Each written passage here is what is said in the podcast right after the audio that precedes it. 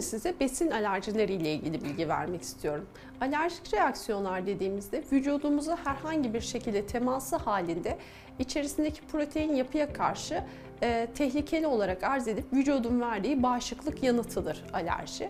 Besin alerjilerinde de yediğimiz gıdalarla birlikte bunun ciltte, sindirim sisteminde, solunum sisteminde herhangi bir reaksiyon vermesi durumunda e, besinlerden e, kaynaklandığı için bu alerji durumuna besin alerjisi durumu denir.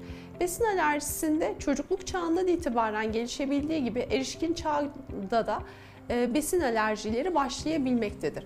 Çocukluk çağında başladığında özellikle e, hastalarda e, burun akıntısı, gözde yaşarma, huzursuzluk hissi olurken erişkin çağda bu daha çok cilt deri döküntüleri, karında gaz, şişkinlik, hazımsızlık, bulantı, kusma gibi belirtilere neden olabilmektedir. Bazı durumlarda yutma güçlükleri, ses kısıklıkları, solunum güçlükleri, boğaz çevresinde şişlik, dil, dilde büyüme hissiyle gelebilir. Alerjik reaksiyonun boyutu vücudun verdiği tepkiyle ilişkili olabileceği gibi alınan gıdanın miktarıyla da ilişkili olabilmektedir.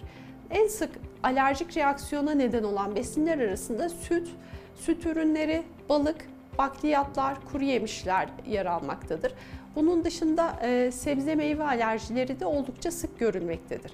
En sık görülen alerji durumuna bakacak olursak laktaz dediğimiz e, süt ve süt ürünleri içerisinde bulunan süt proteinine karşı gelişen alerjik reaksiyonlar olup bu reaksiyonlarda bu gıdaların alımı sonrasında midede gaz, şişkinlik, hazımsızlık, rahatsızlık hissi e, ve e, tekrarlayan ishal ataklarıyla gidebilmektedir. Hastalar bunu zaten çok net e, anlamlandırır ve tanımlar.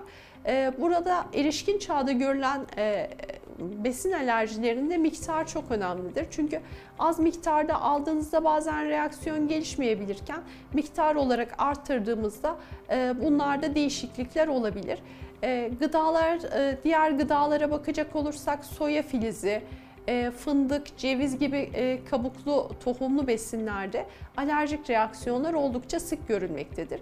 Reaksiyonlar e, bölgeye göre değişkenlik göstermektedir. Özellikle alerjik reaksiyonlarda ciddi bir reaksiyon olduğunda tansiyon düşüklüğü, ağız çevresinde, göz çevresinde şişme, e, dil büyümesi şeklinde e, bir şişkinlik hissi görülebilirken bazı hastalarımızda yemek borusunda e, takılarak yutma, e, midede e, gastrit benzeri bulgular, şişkinlik, gerginlik, ağrı atakları, bağırsaklarda ishal atakları görülebilmektedir.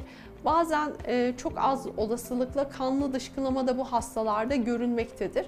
Burada alerjik reaksiyonun boyutu ile birlikte eşlik eden bir durumda araştırılmalıdır mutlaka. E, peki biz alerjik reaksiyonlarda ne yapıyoruz?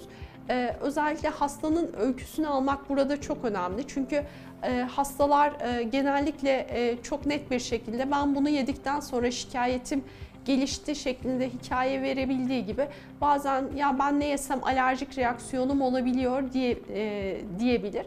Burada e, mukozal yanıt yani e, mide bağırsak sisteminin duvarındaki hasar harabiyet derecesi e, bu reaksiyonları daha alevlendirebilir, şiddetlendirebilir. Bu hastalarda eşlik eden ürtikeryal lezyonlar, cilt döküntüleri e, ya da solunum problemleri bizim e, karşımıza gelir. Özellikle biz bu hastalarımıza deterjan, parfüm e, ya da sigaraya karşı duyarlılığınız var mı? Bunlarla nefes darlığınız olur mu şeklinde sorarız. Çünkü bu reaksiyonlar birbiriyle e, zincirleme reaksiyonlardır. Bu e, problemlerin tedavisinde genellikle alerjik olduğumuz gıdalardan kaçınmamız istenir. İlk tedavi aşaması budur. Bunun dışında desensitizasyon dediğimiz duyarsızlaşma tedavileri de gündemdedir. Ee, ancak e, burada e, tedavi süreci çok uzundur ve e, hastaların uyumu tedaviye biraz zor olduğu için az miktarda yapılmaktadır. Yapılan çalışmaların bir kısmında başarılı sonuçlar elde edilirken bir kısmında başarısız sonuçlarla karşılaşılabilir. Aşırı reaksiyonlar desensitizasyon çalışmaları sırasında olabilir.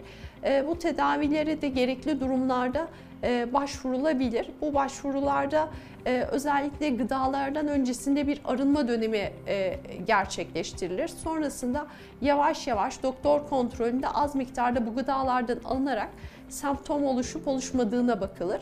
Önceki şikayetleri neyse tekrarlayıp tekrarlamadığı değerlendirilir. Bundan sonrasında da e, tedavide e, miktar artırılarak belli bir miktardan sonra yani günlük kullanım miktarlarımıza geldiğinde bu tedavi sonlandırılır.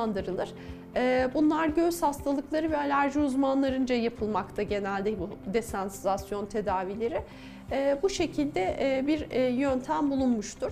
Besin alerjilerinin dışında en çok gördüğümüz şey çölyak hastalığıdır. Çölyak hastalığı da e, buğdayın içerisinde olan gliadin proteinine karşı aşırı duyarlılık reaksiyonudur.